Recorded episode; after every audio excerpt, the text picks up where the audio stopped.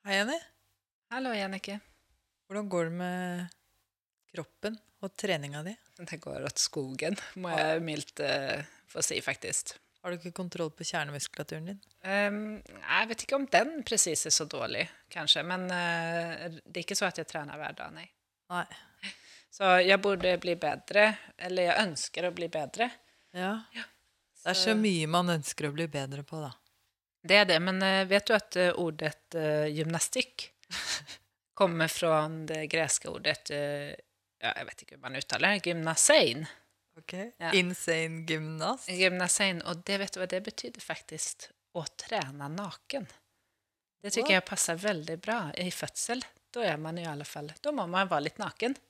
Og vi kaller jo det å føde som å løpe et maraton. Eksakt. Å løpe, løpe en maraton. Den eldste som løpte maraton, han var 100 år gammel. Oi. Ja, han gjorde det på åtte timer og litt, noen minutter og sekunder. Ok, Hvor fort løper man maraton på nå? Er det sånn 4.30 eller noe sånt? Det var bare tall som dukket opp i hodet mitt. Ja, jeg har også for meg at det er fire timer, men det er jeg usikker på. Eh, så mm, jeg tenker også på det der med trening, for vi skal jo prate litt om trening i dag. At eh, eh, på en vanlig person så er det jo ca. fem liter blod i kroppen. Men når man trener, altså en som trener mye, da, høy, i, høyidrettsøver Toppidrettsutøver kaller vi det faktisk. Ja, de kan til og med ha, de kan ha opptil 9-10 liter blod i kroppen. Og det blir nesten sånn gravide, liksom. som Ja, men det er det jeg tenker, Hvordan blir man da om man er gravid? Toppidrettsutøver. Toppidrettsutøvere. det kan vi tenke på. Ja. Men fra spøk til alvor, Jenny. Ja. Jeg gleder meg skikkelig til denne episoden her. Mm. Og vi skal snakke med en dame som jeg i hvert fall syns er skikkelig bra, og som gjør mye bra for kvinnehelse. Ja, og er en eh, sterk inspirator eller inspirasjonskilde til mange nybakte mammor. Absolutt. Vi ringer til Pia Seberg. Det gjør vi. Du lytter nå til Jordmorpodden, en podkast om alt mellom himmel og helvete. Her skal du få klar tale, kjerringråd, vi skal ha fagdiskusjoner, og vi skal dele erfaringer og opplevelser.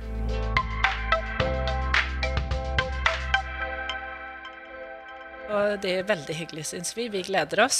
Eh, Hun er en eh, dame som vi har stor tro på at hun er en inspirasjonskilde til mange nybakte mammaer, som Absolutt. vi sa. Hun er eh, også fysisk og mental trener, holder foredrag og har skrevet en bok. Hun har rett og slett skrevet en bok. Ja. Og så er hun programleder for sin egen podkast. ja, det er ikke minst. Vi kanskje lærer noen triks av henne.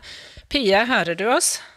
Jeg hører dere klart og tydelig. Ja. Velkommen! Tusen takk, veldig stas å være her. Ja. Er det noe mer som du vil si om deg selv, Pia, før vi starter? Eh, nei, jeg syns du oppsummerte det ganske bra. Ja. Man har jo gjort mye. Nå har jeg jobba med det jeg jobber med i ja, snart eh, ti år, så man begynner jo å få litt erfaring på baken. Men det som er mest aktuelt eh, for den podkasten her, er jo at jeg eh, ja, jeg fikk en sønn i november 2019, så han er nå ett og et halvt år. Mm. Og parallelt med at jeg på en måte fikk han, eh, så noterte jeg meg også mine erfaringer og gjorde en del research, som da ble til en bok eh, med navnet 'Trening etter fødsel'.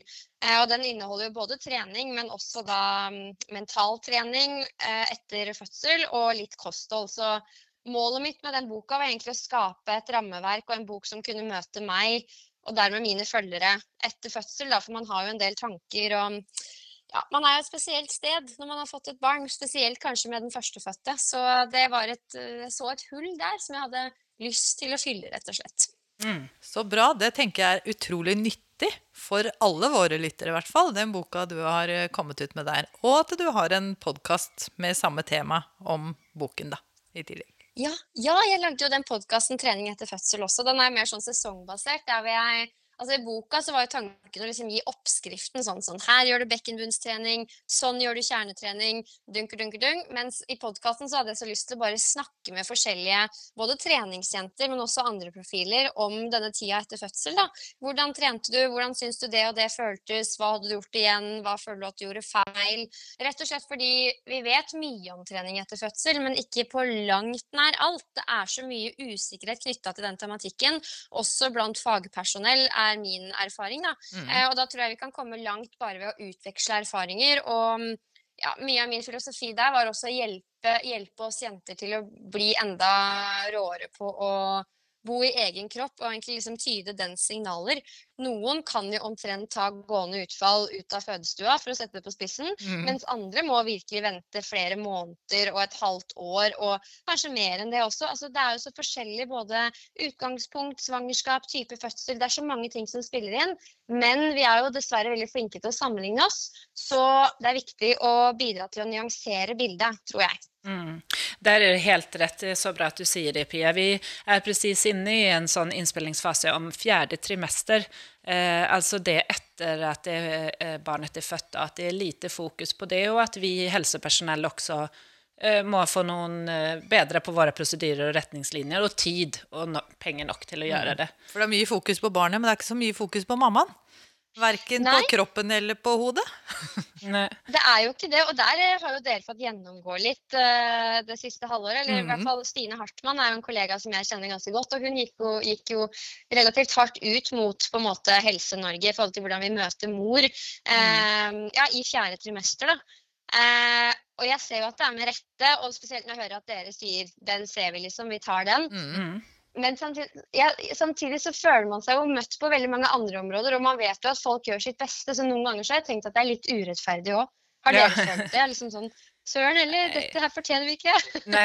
Jeg tenker ikke at det er urettferdig, for jeg tenker at det er helt på sin plass at man liksom får fokus på det. For det handler jo bare om fokus. Det er jo ikke alltid at det er mangel på kunnskap, for noe kan vi også. Vi kan jo bidra med mye allerede med det vi kan fra før. Ja, eksakt. Men jeg tenker mer at vi må få, vi vil gjerne drive med det, eh, men eh, vi må få tid og rom til å faktisk utvikle prosedyrer som eh, omfatter det også. Ja, Men eh, sånn når det kommer til trening, så opplever jeg jo at selv om vi snakker om at eh, ok, du kan bare lytte til kroppen, eh, begynne å trene når du føler for det, så kommer de fortsatt tilbake på etterkontrollen, da, de som har skjønt at de skal komme på etterkontroll, og spør kan jeg begynne å trene nå, kan jeg begynne med de øvelsene nå, er det farlig nå? Selv om vi da har snakket om dette i forkant. Så vi trenger en bok som din, Pia. Ja, og jeg tror også at vi trenger å prate om det, fordi eh, det er jo mye i graviditet når man går til kontroller i graviditet som man ikke får med seg, dessverre. Altså, så selv om vi prater om det, så er man gravid, og man kanskje har et helt annet fokus enn eh, en del saker som gås igjennom. Da. Men jeg tenker, for å spørre deg, Pia, som vet mye mer enn oss i alle fall, om trening, hvordan tenker du at kvinnene kan forberede seg? Er det noe man kan gjøre allerede i svangerskapet? Altså, vi, vi vet jo det der med 30 minutter eh, aktivitet om dagen, og at de som trener fra før, kan fortsette å trene som vanlig. Det er det. Men er det noe spesielt man tenker at det er viktig at du forbereder deg på?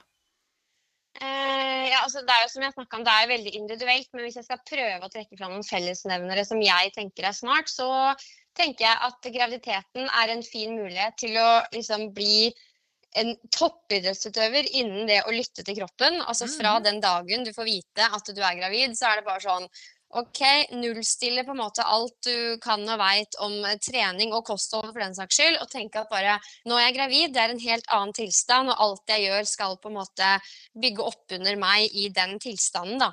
Eh, og noen merker jo ikke så stor forskjell. Andre blir jo lagt inn på sykehuset med svangerskapskvalme. Noen får bekkenløsning fra dag én. Altså, det er så forskjell.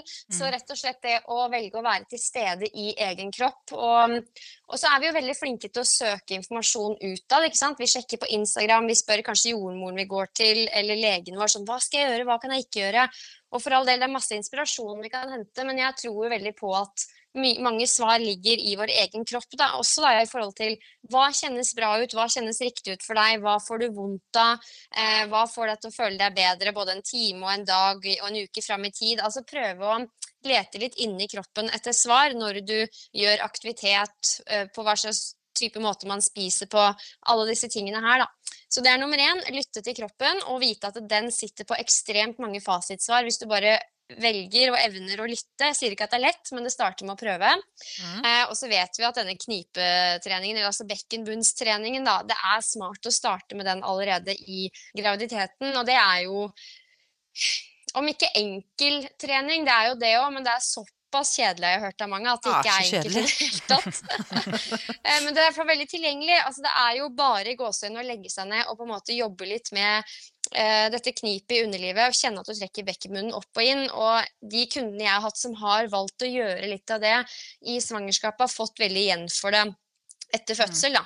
Eh, det er ikke noe sånn eh, gyllen middelvei til å ha et, eh, en plettfri tid etter fødsel, men du, du legger bedre til rette for at du er sterkere etter fødsel. Ja. Eh, og så er jo jeg selvfølgelig en forkjemper for at man skal fortsette å holde seg i bevegelse og aktivitet, og fortsette å trene. Og så trenger det ikke nødvendigvis å være trening i ordets rette forstand. Altså, det handler vel mer egentlig om trim og bevegelse og bare gjøre noe hver dag. Men det er klart, man må jo utvide, kall det fasiten sin veldig. For, for min del så fikk jeg ganske kjapt uh, vondter i bekkenet og merka at den der hverdagsaktiviteten Da jobba jeg jo som personlig trener, og det som tok knekken på meg når jeg var gravid, var jo det å liksom gå rundt og, og gjøre unna 15 000-20 000 skritt. Da fikk jeg utrolig vondt uh, i, i bekkenet, da. Mens en styrkeøkt, eller en crossfit-økt for den saks skyld, det var ikke noe problem, og fikk meg tvert imot til å føle meg bedre, da. Mhm. Um, så holde den gode rutinen i gang, og tenke at det er ja, nesten mental trening i forhold til det å holde en slags rutine på at du er en person som beveger deg, du, du trimmer, men kanskje på en litt annen måte enn før. Igjen finne noe som funker for deg, da. Men jeg tror virkelig på at de som holder seg i aktivitet når man er gravid, man føler seg mye bedre, man blir stolt av seg sjøl, og jeg bare Det er så viktig, da. Ja, Ja. jo, det, er, det er absolutt det. Riktig. Men vi tenker, jeg har tenkt iblant, for vi helse, altså vi som driver og har veiledning i amming, vi får jo ofte høre det at vi utøver et sånn ammepress. Nei, vi får ikke ofte, ofte, høre det, men, nei, men vi vi- kjenner ofte vi på kjenner at på de de ja. kanskje tror at vi utøver et ammepress. Ja, det har Ja. vært diskusjoner i media også da, om ammepress. Eh, og jeg tenker at, har du, har du opplevd noe sånt, liksom, at din, eh, din, det du formidler eh, oppleves som en sånn treningspress? Ehm, eh, det er i hvert fall uten tvil noe jeg har reflektert mye over.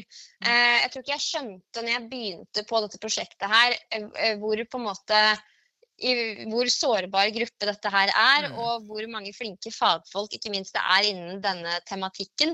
Eh, så alvoret gikk på en måte mer og mer opp for meg. Og det å da skulle på en måte eh, tilby inspirasjon, som jeg liker å kalle det, til en gruppe som allerede er litt sånn ja, eh, jeg kaller det identitetskrise ja, å ha født, født, fordi man er helt sånn Hvem er jeg, hva gjør jeg nå? Altså, det er jo helt uh, bonanza. Så jeg har uten tvil kjent ganske mye på det, faktisk. Men uh, da, det beste jeg har kunnet gjøre da, er jo på en måte bake det inn i kommunikasjonen min uh, så ofte jeg kan, og vise fram det nyanserte bildet som jeg tror veldig på. Og tilbakemeldinger til meg sier at jeg har oppnådd det, men det er nok noen som sitter der hjemme og tenker sånn åh, jeg er så lei av hun Pia som trente når hun var gravid og trente etter fødselen og hurra, men kan ikke hun bare ta seg en bolle, liksom? Og Mm. det, det kan jeg også skjønne. Eh, Det er jo ulike hvordan man har det. Liksom, trener man mye fra før og man har funnet et sted der man, at trening gir en energi så ser jeg liksom ikke noe problem med det. Men er man ikke en sånn person så må man kanskje da velge å ikke lytte til alle rådene. Altså Man må også tenke på hva man kan ta til seg. Ja, absolutt. Og, og det er en hårfin balanse også for oss treningsjenter. For vi er jo veldig opptatt av å inn i vår egen kropp. Noen også veldig opptatt av hvordan kroppen ser ut. Og jeg gjorde et intervju med Bente Sommerfelt fra Villa Sult, eh, et senter i Oslo som jobber mye med bl.a. spiseforstyrrelser da, i ulike former. Og hun påpekte jo på en måte at graviditet og det å gå gjennom en fødsel, få et barn Veldig mange opplever at spiseforstyrrelser kommer tilbake, eller at de kanskje oppstår i den perioden. Nettopp fordi det enorme fokuset på kroppen, den fysiske kroppen, kommer tilbake. Da. Blant annet det at man blir veid hos legen hver gang man er der, er jo veldig vanskelig for mange. Em, og da, at det da kommer en som kommuniserer trening etter fødsel på den måten her, og bygger opp under det til disse treningsjentene, det kan potensielt være skummelt, og noe jeg tok veldig på alvor. Det var jo derfor jeg ville intervjue Bente i utgangspunktet. Og hun understrekte jo da viktigheten av å ja, du skal holde deg i form, og du skal være aktiv og hele den biten der, men pass på at du ikke på en måte lar det overstyre den verdifulle tiden du faktisk har med den nyfødte. Da. Mm. Og det er sikkert grusomt å si, men jeg tror i noen tilfeller for nybakte mammaer så kan det gjøre det, hvis man ikke er litt sånn eh, på vakt. Fordi man har liksom ofra seg sjøl, føler man omtrent, i ni, i ni, måneder. Og er veldig innstilt på at nå er det my time to shine, jeg har permisjon, jeg har tid til overs. Baby, nå skal du følge meg, jeg skal tilbake i form og den tankegangen kan fort liksom galoppere litt for mye av gårde, da. Mm. Så um, ja, jeg har prøvd å virkelig nyansere det, og uh, vet jo aldri om man lykkes 100% men um, så lenge man prøver, så har man kommet langt. Ja, og bare det å belyse at sånn overopptatthet Vi har også snakket med Bente, nemlig. At det ja. ikke er bra. Det mm. tenker jeg, Da har man på en måte sagt det. Ja, hva, tenker du om, hva tenker du om det uttrykket? Få tilbake kroppen sin? Eh altså, jeg tenker jo at det er veldig politisk ukorrekt å si. Det skal man jo ikke si, fordi kroppen er en helt annen etter at man har født barn. og hele den biten der. Men for min del, meg som PT som jobber med kropper og fysisk trening, jeg tenker at det er helt innafor, og jeg skjønner greia. Men uh, man må jo samtidig akseptere på veien at kroppen er jo en helt ny en. Visse ting kommer jo aldri til å bli helt det samme. Men uh, jeg er ikke den som arresterer folk i hverdagen hvis de bruker det uttrykket. For det jeg skjønner greia, liksom, og det skal man få lov til å si. Ja, ja. Det er fortsatt ens egen kropp, og man kan ha den for seg selv uten et baby inni magen. Exakt, og det få tilbake kroppen kan jo bety mange ting også, men eh, det er liksom å lære seg å like å være i den kroppen man har. Akseptere, mm. Akseptere den, at den er forandret, men, og at man har faktisk den fulle frihet å gjøre hva man vil med den kroppen, for ja. den er sin egen. Men best mm. er det jo hvis man da kan følge Pias råd, da, og trene litt. så man får det bra både fysisk og mentalt. Men jeg tenker at det, liksom, eh, det som du sier, åpnet med, Pia, at vi, vi, vet jo det at eh, når man har vært i graviditet og fødsel, da er man ekstremt sårbar. Man er helt åpen på en, hel, en annen måte som man ikke har vært med om før. Og følelsene ligger mer utapå, og det er lettere å la seg eh, provosere eller engasjere visse temaer som man er inne i. Og kanskje man efter uh, ikke har søvn nok, og man er, føler seg utenfor kroppen sin. altså Man har ikke sinnet på plass heller. Ikke overskudd i det hele tatt. Hvordan kan man motivere dem? For at den der dørterskelen føles så lang eller høy. Dørstokkmila. Ja. ja. Ja, altså dørstokkmila er jo bare Det er så mange andre ting som spiller inn i den, i de, den tiden og de ukene der. Og der, eh, Den første boka jeg het, eh, skrev, het jo 'Bli din egen PT'. og Der skriver jeg mye annet om å liksom finne sin egen fasit på ting. og Den filosofien har jeg jo med meg også nå inn i denne trening etter fødsel-boka. For jeg, jeg, som profil og trener tror veldig på å bygge opp under folk, da, sånn at de står litt sterkere i seg sjøl. Og når det kommer til det mentale etter fødsel, så tror jeg mange av oss er flinke, altfor flinke til å sammenligne oss med andre. Og vi har en sånn forventning om hvordan ting skal være, og hvordan det burde være. Og jeg tror for veldig veldig mange at det er det som skaper det negative presset da, og det vonde. Og en skam knytta til at åh, hvorfor har jeg det ikke sånn når jeg ser at de har det sånn? Og så har de jo ikke det, men det er en helt annen story. Mm. Eh, så i boka mi blant annet, og på generelt grunnlag, så prøver jeg jo å hjelpe jentene som leser den til å skape litt sin egen fasit. Da. Både i forhold til hvordan man selv ønsker å operere med denne mammarollen. Det finnes mange måter å gjøre det på, selv om det ikke føles sånn ut de første månedene mm. etter fødsel. Um, jeg oppfordrer de til å skrive en slags sånn prioriteringsliste. Hva er viktig for deg som mamma i den tida du er inne i nå? Og det er litt som en sånn forventningsavklaring for seg selv. Da. Mm. Og da blir det som en sånn slags livbøye når det liksom stormer masse følelser, og du krangler med kjæresten og du har ikke sovet. så er tanken med at du skal kunne søke tilbake til den prioriteringslista og finne en eller annen form for ro og, og trygghet, og minne deg sjøl på hva som er, hva som er viktig. Eh, så Hvis jeg skal si én ting, så er det, er det, vel det å tenke litt igjennom hva som er viktig for deg som mamma, hvordan du ønsker å ha det, hva er viktig for deg overfor barnet ditt. Um, og prøve å liksom huske på den fasiten når du kjenner at du har det litt vanskelig eller ting er litt tøft. Uh, finne den tryggheten i deg sjøl og den rollen du skaper. Da. Du står jo helt fritt til å skape mammarollen akkurat sånn som du ønsker. Og det å hjelpe jenter til å ha selvtillit nok til å, til å gjøre det, mm. det har jeg lyst til. Og der tror jeg også at fysisk trening kan være en bidragsyter. Fordi det skaper en form for mestring. Det gjør at man blir sånn stolt av seg sjøl. Og i en hverdag der alt går til helvete, sorry språket, ungen sover ikke, du får ikke til amming, han vil ikke spise, faren klarer ikke flaske, så har du i hvert fall tatt en økt. Altså, Mm. det er liksom litt den mentaliteten som jeg har, mange av kundene mine har, og jeg ser gang på gang også nå som jeg har begynt å jobbe med jenter etter fødsel, at det, det gjør noe med huet. Det er en litt sånn snarvei til eh, endorfinrus, da. Mm. Mm, Mestring er bra. Å tro på seg Ja. selv. Mm. det er det Men, men har du noen konkrete til de som ikke Fordi det må jo være forskjell på de som er veldig vant til å trene, eh, kontra de som ikke er vant til å trene i det hele tatt, og komme i gang etter fødsel. da. Hva begynner man? Begynner man med en situp? Går man en tur? Altså, hva gjør man? Ja, det er, så, det er veldig viktig og riktig det du sier, at eh, det kommer helt an på utgangspunktet. Hvis man er helt nybegynner og er sånn og ikke har noe lyst i det hele tatt, så tenker jeg at den første tida etter fødsel kanskje du bare skal tillate deg sjøl å drite litt i det. Altså, det er ikke da man nødvendigvis skal sette inn støtet. Nei. Men etter hvert som man begynner å kjenne at man kommer seg litt overpå og har lyst til å bli en som trener, så er jo jeg veldig forkjemper for at man skal komme seg ut på den trilleturen. Mm. Eh, og det er sikkert eh, veldig kjedelig råd, det liksom, men å trille er fantastisk trening og aktivitet.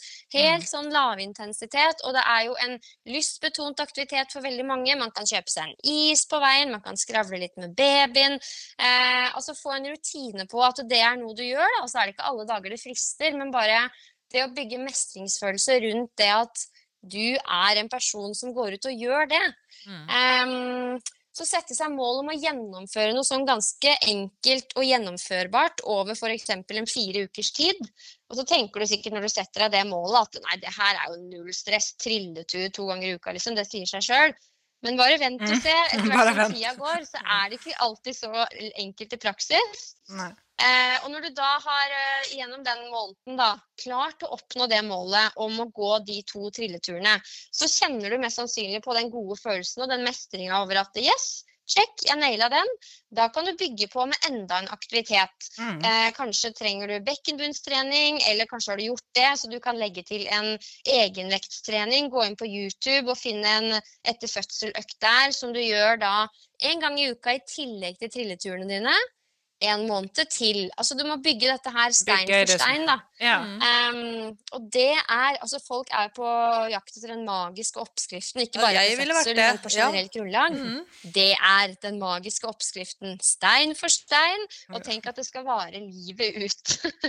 Det er bra. Jannike, Stein där fikk vi den. stein. Jag Stein. Ja, det er veldig bra. Vi må ta til oss någonting det her også, vi som er sånn ti år etter fødsel. Men eh, det er aldri for sent å begynne. Nei, fordi Heller. jeg kjenner Fordi eh, du snakker jo om en sporty barseltid.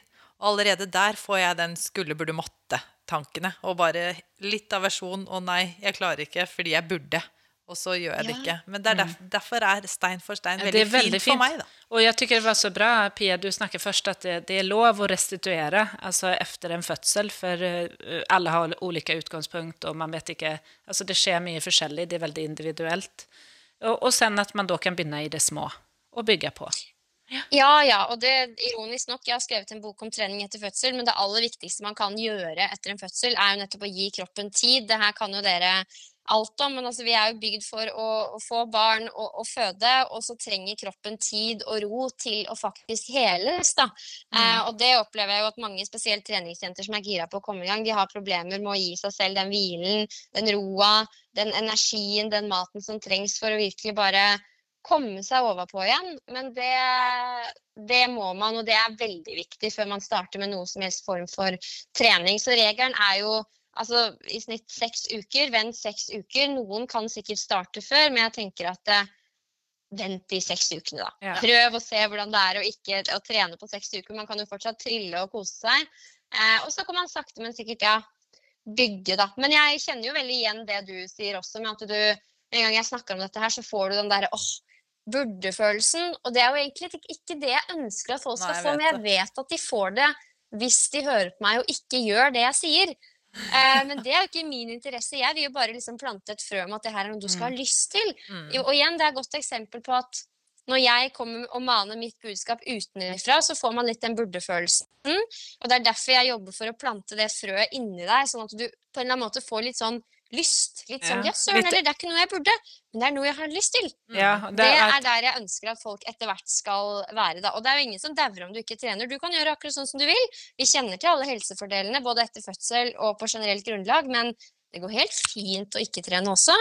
Men det er jo kult da, å være liksom en sporty dame som kan bære kiden sin og et par handleposer og kan gå et par mil, liksom. Det, det ligger det stolthet i. Ja, hvordan planter du det lystfrøet, annet enn med det du sa akkurat nå, da? Nei, det er det. jeg er tydeligvis ikke helt i mål, da, i og med at jeg, jeg syns at du er det. For at jeg, jeg, eller jeg tenker sånn, når jeg prater med deg nå, så kjenner jeg at eh, Og det er viktig også Vi skal jogge etterpå?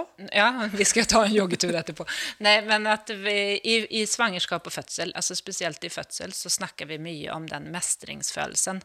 Og det er det også som du prater om nå, det å få eierskap til noe som man faktisk har lyst til, og da eh, etterpå føle en mestring. Og det å komme seg ut i naturen og trening og være i aktivitet, det vet vi at det funker på energinivå og på humøret. Ja. Så det, jeg, får, jeg tykker at du har plantet det frøet hos meg veldig godt. Du har vunnet Jenny Ja. allerede, Pia. Det er skikkelig bra. Ja, det er kjempebra. Ja, men, men så bra. Da må jeg bare jobbe litt eh, mer med deg, Annike. Men Ja. det kommer. Det- det kommer, Det kommer, det kommer. Jeg lover, du klarer det til slutt. Uh, Men om, men om man tenker da, når, eh, når man liksom har kommet litt i gang, når er det, når er det på tide å trappe opp? Altså løping til eksempel. Altså vi hører at man, løping er litt vanskelig å starte med, og man skal ikke starte med mye høy intensitet og sånn. Men stemmer det, eller er det også veldig individuelt? Eh, Det stemmer jo til en viss grad. Vi vet jo at eh, løping og liksom hoppe med hoppetau og disse tingene her er jo noe av det mest utfordrende vi kan gjøre for bekkenbunnen vår, bare fordi vi skaper et, sånn, et, et trykk innenfra. Det sier seg jo egentlig ganske sånn selv. Mm. Eh, men samtidig så har jeg jo intervjua løpejenter, Kristina Vukusevic f.eks., i podkasten min. Og hun, eh, løping var jo en av de første aktivitetene hun gjenopptok relativt raskt. var det var det en par, et par måneder etter fødsel, som jeg vil si er relativt raskt. Da. Jeg venta jo et halvt år, eh, mye fordi jeg hadde bekken, eh, altså vondt i bekkenet under graviditeten, og det slapp liksom ikke helt etter fødsel. Og vet ikke, løping har liksom aldri vært den treningsformen som har ligget mitt hjerte nærmest.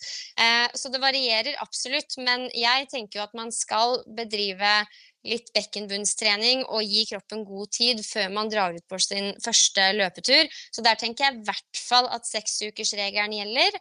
Og hvis du er ute på trilletur, så kan en fin start være på en måte bare prøve å jogge i kanskje ett minutt, og så roer du ned igjen. Litt sånn intervallpreg, bare for å undersøke hvordan det går. Og hvis det er ubehagelig, hvis det er vondt, så ikke gjør det mer. Nei, Vent og gi det mer tid. Så enkelt, rett og slett. For da, da trenger du nok mest sannsynlig nettopp det, mer tid. Og det samme gjelder eh, når vi snakker om mer generell trening. Vi må tenke at vi bygger oss opp. Det er jo litt som rehab eh, å begynne å trene igjen etter fødsel. Man har jo vært igjennom eh, Det er jo ikke en skade å føde, men det er jo litt, da. Altså, man blir jo man blir jo litt ommøblert her og der. Man kan bli Og, det, ja. Og det er sånn man må tenke, at man skal bygge seg opp igjen eh, stein for stein. Og man kan ikke liksom gå tilbake til de vektene man f.eks. løfta før man ble gravid. Man må begynne forsiktig, prøve seg fram på ulike bevegelser, og så øke sakte, men sikkert. Mm. Eh, det er på en måte the way to go. Og det er umulig å ta seg for god tid. Altså du har ikke dårlig tid. Da. Det er det vi vet. Trening er jo ferskvare. Dette her er noe du skal holde på med resten av livet ditt. Det er ikke noe vits å rushe liksom, i et par måneder. Du skal få lov til å gjøre dette her hele livet. Så ta deg god tid. Mm. Och vi vet ju, eller du nämnde ju Stina Hartman förut, hon har ju också snackat med oss och det var ju det med going och sen gogging och sen blir det jogging och så det, det är samma där, hon bygger också stein för stein. Mm. Det var väldigt fint. Og så er jo jeg eh, Veldig mange er sånn Eller jeg følte det var en trend på et tidspunkt å legge ut at man hadde vært og løpt, og så hadde man tissa på seg, men det var på en måte greit. Altså at det er en del av å trene etter fødsel. Eh, der er ikke jeg helt enig. Jeg opplever og tenker at hvis du på en måte lekker veldig når du hopper, er og gjør crossfit eller er og løper, så er det et tegn på at, du ikke, at bekkenbunnen din ikke er sterk nok Mm. ennå til å utøve den aktiviteten. Eh, så det er jo på en måte et av de beste signalene om at eh, her må du kanskje ta et steg tilbake, da. Och begynne med bekkenbunnstrening i stedet for Ja, jeg tenker at det er så mye annet du kan gjøre enn løping. Altså, du kan gjøre egenvektsøvelser, trening med strikk, knebøy, utfall hjemme. Det er, liksom, det er ikke måte på hvor mye du kan gjøre. Og ikke minst trilling i motbakke med en stadig tyngre vogn. Mm. Det er jo minst like bra trening som, eh, som jogging. Fy søren så mye muskler du bruker når du triller i motbakke. Eh, Istedenfor løping for min del, så kjørte jeg masse, kall det intervalltrening i motbakke, der man går så kjapt man klarer å trille vogna foran seg rusler ned igjen, går opp igjen. Altså, folk er veldig avhengig av løping, og det er jo bra, men det er veldig mye annet man kan gjøre òg. Ja, absolutt. Det er godt å høre. For det er også mange som ikke er eh, så flinke med løping. tenker jeg. Eller som ikke har det varmt om hjertet. Da. Ja, jeg, jeg tror jeg kan skrive under der. Ja, Ja. kanskje det. Eh, Men de, du har jo snakket med mange eh, som, eh, i din podkast om eh, just det, trening etter fødsel. Er det noe spesielt som går igjen? Altså sånn, eller er det veldig forskjellig? Vi har sagt flere ganger også at det er veldig individuelt, det med trening. Men er det en fellesnevner? Eh, det er vel nettopp det som er fellesnevneren. At det jeg opplever med treningsjenter, og spesielt da kanskje idrettsutøverne, er at uh, du merker og du hører på dem at uh, det de driver med, det er å jobbe med og lytte til kroppen sin. Uh, og for de så er det på en måte en, sånn, en selvfølge, måten de har gjenopptatt trening på. Helene Olafsen f.eks., for hun fortalte om hvordan jeg liksom spurte om hennes oppskrift, og hun var sånn Nei, jeg var på trilletur, og så prøvde jeg noen utfall når jeg gikk forbi en lekeplass. Kjente at det var litt vondt, så da venta jeg en uke. Mm. Og så gikk jeg, gikk jeg igjen neste gang, og da, da kjentes det bedre, ut, så da gjorde jeg litt mer av det. Altså, de har en sånn tilstedeværelse og en veldig sånn tillit til kroppen sin som jeg tror vi vanlige dødelige holdt jeg på å si, ikke har. Eh, igjen tilbake til dette her at vi søker fasiten veldig utover, mens eh, utøverne har såpass mye erfaring med kroppen sin, har Mm. inntrykk av, at også i en tid etter fødsel, der hvor alt er nytt også for de, eh, så stoler de veldig på kroppen sin i forhold til det fysiske. Da. Og det er i hvert fall noe av det jeg har blitt veldig inspirert av. Um, så er det noen som har måttet lenge, vente, vente lengre, andre har gjenopptatt trening tidligere. Men alle har hatt suksess med på en måte den fremgangsmåten. Da. Og det er jo superlogisk. Men Mm. eh, det er ikke alltid at det logiske er en sånn selvfølgelighet for oss alle. Nei, og så tror jeg det er veldig viktig, for vi driver og sammenligner oss hele tiden. Så jeg tror vi trengs å dras tilbake til å ha tilstedeværelse i sin egen kropp, da, som du sier. At vi må bli minnet på det hele tiden, og ikke alt det vi ser rundt oss. Ja, virkelig. Og liksom være litt positiv til eh, den muligheten du har nå, til å starte litt på scratch igjen. Jeg syns det var deilig å på en måte legge fra meg alle tidligere eh, tanker og fasiter i forhold til hva trening skulle være, og hva kroppen skulle klare, og heller bare kunne møte på en crossfit-økt og bare si sånn Jeg har født, det er ingen krav til meg, Mm. jeg kan gjøre hva jeg vil. Altså, jeg syns det var så deilig. Jeg rir jo litt på den bølgen ennå. Hvis det er litt slitsom mageøkt, så er jeg sånn Nei, jeg har født, så jeg, jeg må, må jeg kaste inn håndkleet. Ja. Men altså virkelig bare um, nyte den reisen det er å få lov til å bygge seg opp igjen. da. Og ref dette her med at jeg skulle skrive denne boka, så følte jeg jo et veldig ansvar for at jeg skulle i hvert fall gjøre opptreninga etter fødsel eh, til punkt og prikke. Og det føler jeg virkelig at jeg gjorde også. Jeg testa jo ut alle disse programmene, og da ble det f.eks. veldig mye kjernetrening. Mm. Mm. Og det jeg tidligere så på som litt sånn der flisespikkerier og egentlig ganske kjedelig trening, men på en eller annen merkelig måte så blir det gøy etter hvert, fordi du gjør mye av det, ikke sant? og du merker fremgang. Og jeg har jo aldri hatt så god kontakt og styrke i magemuskulaturen som det jeg har hatt nå ett og et halvt år etter fødsel, fordi jeg har gjort alle disse tingene. da. Endelig så har jeg tatt meg tid til og skjønt viktigheten av nettopp det. Og det er en sånn fantastisk mulighet som jeg har fått nå etter fødsel, eh, som jeg ikke har gitt meg selv tidligere. da. Mm. Så vi må se litt positivt eh, på tida etter fødsel også når det kommer til trening. At det er en fantastisk mulighet til å bli kjent med kroppen på ny, rett og slett. Og det, Mm. ja, det skal man ikke ta for gitt. Starte med blanke ark, nesten. Ja. Mm. Mm. Og det som eh, det også er fint, er at du prater mye om det mentale, den mentale biten. At man også må utøve mental trening og eh, føle på det å få det til. Det syns jeg. Og Det er at kropp og sinn henger sammen. Ja. Exakt. Oh yes, uten tvil. Og det er jo ja, det er vanskelig å hjelpe folk eh, Om det er vanskelig å hjelpe folk med det fysiske, så er det kanskje enda mer utfordrende med det mentale. Men jeg tenker jo at det starter med å gi jenter noen verktøy, og så kan de bruke det som de ønsker. Men eh, min erfaring er i hvert fall at ved å forsøke å hjelpe hodet litt oppi en utfordrende periode som tida etter fødsel er, så kommer man lengre enn å bare lene seg tilbake og enjoy the ride, da. Så det Mm. ikke alltid er like hyggelig, hvis dere skjønner. Det går jo veldig opp og ned. Mm. Men ved å ha da liksom denne planen og denne forventningsavklaringen å støtte seg til, så er det fra min erfaring at man står litt sterkere. Mm. Eh, vi har jo en hovedsponsor, Pia, som eh, är BB Hug Me. Jag vet ikke om du har hatt deres, noen av deres produkter? Altså, BB Hug Me, de kom inn i bildet, var det fjerde eller femte svangerskapsmåned. Altså, jeg tror ingen, ingen, objekt har vært så nær meg absolutt hele graviditeten, inn i fødselen. Altså, jeg tror Silvester ble født på en Bibi Høgby-pute omtrent, så den kjenner jeg godt til. bare, Bara, bara det er god reklame i seg Men vi hadde også tenkt å spørre om det bäcken, om du har liksom brukt som bekkenbelte. De har jo et bekkenbelte som gjør at man kan få støtte da, og bidra til at uh, magen og bekkenet og korsryggen samtidig som kjernemuskulaturen er aktivert, får en stabilisering. Uh, men har du brukt noe sånn bekkenbelte når du tränar? Nei, det har jeg ikke. Det høres veldig spennende ut. Jeg er litt skeptisk av natur, men jeg har samtidig trua, for det er veldig nyttig med verktøy som kan hjelpe oss til å forstå disse tingene her. Eh, Så jeg er skeptisk, men åpen. Har dere prøvd? Nei. Nei det har- vi ikke. Jeg tror jeg hadde et slags bekkenbelte, men det var mer sånn at jeg følte at det var trygt. Ja, Å bevege meg. At ikke, jeg var ikke redd for at det skulle gjøre vondt hvis jeg gikk litt lange skritt og sånn. Nei, men det er det jo mange som sier med den også, at man føler at man får et litet lyft. Mm. Så vi har ikke prøvd det selv, men eh, vi... Nå er det for seint. Nå er det for sent, ja. Vi må spørre de andre. Men det Men Pia, du sa at du ville stille oss noen spørsmål også. Du, så nå har vi stilt deg masse spørsmål, så vær så god. Hva vil du spørre jordmødrene om? Ja, det her er veldig spesifikt, da. Men altså, er dere sånn at dere er på felten? Tar dere imot barn ofte? Mm. Det gjør vi. Herregud, bare det er så sjukt. Altså, det er så sinnssykt at det er en jobb. Er det sånn hver gang dere tar imot et barn, at dere får sånn Er det like unikt hver gang, eller, eller er dere liksom vant til det?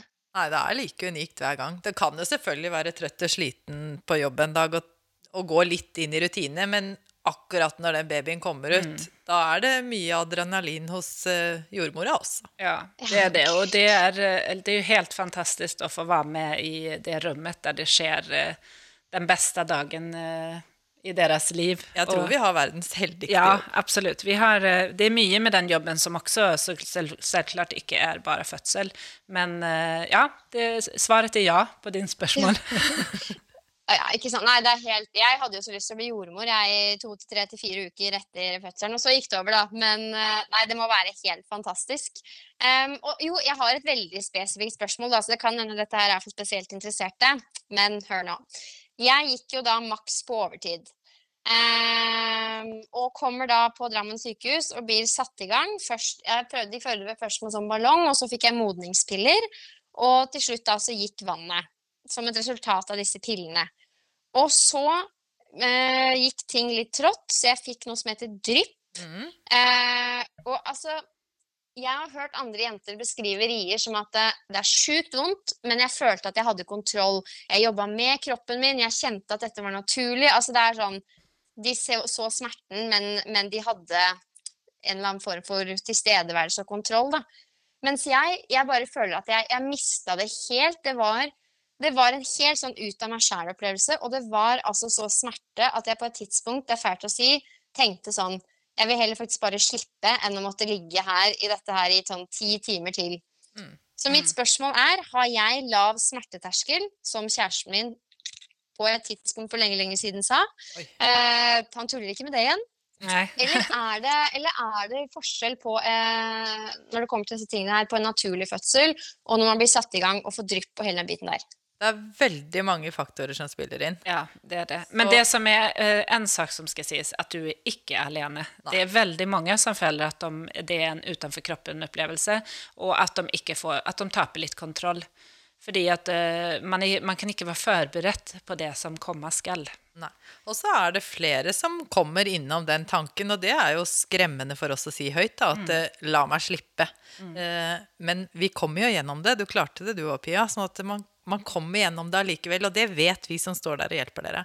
Men det som kan gjøre at eh, det kanskje er ekstra vondt med sånn drypp, da, i ditt tilfelle. For det er veldig Vi bruker jo drypp flere ganger enn med, eh, ved en igangsettelse. Og drypp er oksytocin. Eh, syntetisk eh, oksytocin. Det er hormon- Ristimulerende. ja, det er hormonet som lager rier. Og hvis vi starter å lage rier på en livmorhals, en mormunn, som ikke er moden, spesielt på en førstegangsfødende som aldri har blitt avkortet og myk og begynt å åpne seg før, så kan det gjøre veldig vondt. For ofte så Nå snakker jeg kjempefort. Ja. Jeg skal si det veldig fort.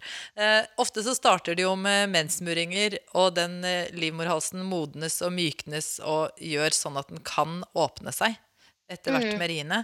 Men hvis den da er umoden når man starter med dette dryppet, så blir det ganske voldsomt hvis du starter med gode rier med en gang istedenfor at de riene bygger seg opp. og Mm. Og sen kan det jo også bli veldig mange rier på, på ti minutter, f.eks. med, med drypp. Men det, det justerer vi ju, eh, vi som står på rommet. Da. Men hvis du hadde fått dette dryppet lenger ut i prosessen, hvis kroppen din hadde svart på de andre induksjonsmetodene som du hadde fått før dryppet, så er det ikke sikkert du hadde opplevd det så smertefullt. Ga det mening? Okay, ja, for det så det er så, det er så sammensatt, ja, og det har jeg jo skjønt også, da, men dere vet, man går gjennom opplevelsen sin så mange ganger i hodet og lurer på liksom For jeg liker jo å tenke at jeg er flink til å stå i smerte, og hadde jo forberedt meg mentalt og har jo noen mentale verktøy med meg, så jeg var litt sånn Jeg var ikke skuffa, for jeg var veldig innstilt på at det her får bare gå som det går, men jeg har liksom tenkt mye på det i forhold til hvis man skal gjøre det igjen, og, og det er som du sier, man sammenligner seg jo litt, da. Men eh, da kan jeg i hvert fall trøste meg litt med da, at drypp kan potensielt gjøre, gjøre at ting oppleves verre. Og så for min del, jeg fikk jo epidural, men har dere hørt om det? Den funka bare på den ene siden. For det første så satt jeg der i kanskje sånn ti minutter, og de var sånn Stakk den inn, gikk ikke. Stakk den inn, gikk ikke. Altså det var så mye tull da. Jeg bare sånn Hva er det som skjer? Bare det i seg selv var veldig skummelt. Og når den liksom var satt, følte at han legen rusla ut og bare var litt sånn OK, nå må jeg gå. I tried my best. Og så opplever jeg da at jeg fortsetter å ha minst like vondt kun i den ene siden. Mm. Er det liksom vanlig?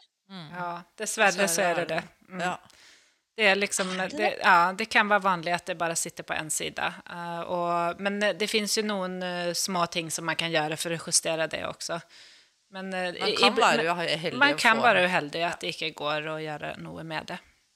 Er det fordi man var eh, for seint ute med epiduralen? For jeg har hørt sånn tips om at uh, sette inn den nåla tidlig før de verste riene kommer, sånn at du har tilgangen. Nei, det har ikke noe med det å gjøre. Det er, hvordan, det er kanskje anatomien eller hvordan akkurat den epiduralen blir satt. Men jeg vil Ja. bare si, fordi at det svarte vi ikke på. Du sa at, eh, at kjæresten din hadde sagt at du har lav smerteterskel. Det er jo tull, da. Ikke Ja. sant? Det er så mye Han tull sa at det med glimt i øyet. Ja, altså, jeg skjønner det. Akkurat der og da, så ja. Men den har du ikke lov å henge deg opp i, liksom. Nei, du har Nei, ikke nei. Og man skal ikke bli skuffet selv, på en måte. Eh, på en måte. Nei, man skal, ja, man skal ikke bli skuffet selv. Men, men det er, du er ikke alene om det, just det der å føle at man ikke klarer å stå i noe som man har forberedt seg så godt på. Eh, og det, det, det syns jeg det er helt OK. Altså, man må bare Mm, men kan jeg spørre, når du fødte, da? Når du var ferdig, fikk babyen opp på brystet, hvis du gjorde det, følte du på mestring da, eller var du bare helt sliten og kaputt? Nei, altså det som var, Han eh, slet jo med å komme seg ut, så på et tidspunkt så var det sånn jeg, jeg husker jo ikke sånn kjempegodt, men jeg husker at det var veldig dramatisk på et tidspunkt. Sånn at nå må du presse, hvis ikke så går det gærent. Eh, og når han kom ut, så var han liksom mørkeblå omtrent og, og fikk ikke puste, da, så han ble på en måte tatt av gårde med en gang. Mm. Eh, så akkurat det var litt dramatisk. Og, men det eneste jeg klarte å tenke på da, var bare at jeg var glad for at jeg hadde overlevd, liksom. Mm. For det var jo ganske dramatisk på slutten der også. Um, og så fikk jeg han på brystet, og da var det Det her er veldig lite politisk korrekt å si. Jeg var bare letta for at jeg var ferdig, og så var jeg litt sånn Oi, her er det en bylt. Det er så fint Er jeg glad sier. nok i denne Ja. bylten nå? Kjenner jeg den Ja. kjærligheten som jeg burde? Altså, jeg var helt spasa. Jeg var helt borte. mm. Men det var jo veldig hyggelig og ålreit at det var overstått, og kjæresten min var der, og det er jo helt magisk, men ikke sånn ikke sånn fasitmagisk som jeg følte jeg hadde sett på Jordmødrene på NRK, liksom. Kan du kjenne på mestring nå? Når du snakker om den i dag? Nå? Eh, ja, det gjør jeg jo. Jeg tenker sånn fy søren, jeg er så badass. Og hvis noen sier at noen syns jeg Så klisjé er jeg, da. Hvis noen syns at de syns noe er vanskelig, så er jeg sånn Ja, prøv å føde, liksom. Ja, Ja, nettopp. Der ser du. Eh, så for all del, men jeg gleder meg veldig hvis jeg får muligheten til å oppleve det en gang til. Eh, til å da gå inn i den situasjonen med litt mer kunnskap, være litt mer forberedt. Ikke at jeg har noe mer kontroll, men jeg vet i hvert fall litt hva jeg kan forvente av de rundt meg, av jordmødrene. Um, er litt mer forberedt i situasjonen, da. Mm. Du kan forvente at du kan miste kontrollen. For Ja. det er jo det det handler om. Exakt. Ikke minst. Jeg Ja, fy søren. Ja, virkelig. Og da er det betryggende å snakke med dere og høre at det er helt normalt. Fordi jeg husker jeg kjente sånn Dette her kan umulig være normalt. Men, eh, men det er det jo, da, har jeg Ja. lært i etterkant. Det er helt mayhem å få ut de ungene, liksom. Men det er sånn vi har lagd, og vi klarer det jo. Men jeg, jeg lurer egentlig på de som har, så som du da, som var trenings... Eh, altså du trente mye før fødsel også. Eh, vad, om bekkenbunnen, altså om man er veldig sterk i bekkenbunnen, har det noe å si i fødsel? Spør du Pia om det? Jeg spør deg, Jannicke. Spør du meg? Ja? Uh, nei, men vi sier jo noen uh, sporter og idretter som kan være ekstra sterke bekkenbunn, spesielt de som rir mye. De opplever vi jo at det å være for sterk i bekkemunn kan være vanskelig eh, å føde med, da. ja, at det kan være litt vanskeligere. Ja, men det, jeg, spurte, jeg spurte gynekologen min om akkurat det i etterkant, og han eh, påpekte det at man ofte så at treningssenter, spesielt de som også drev mye med pilates, at eh, da kunne man se at det var trangere og rett og slett litt vanskeligere, spesielt for førstegangsfødende. da.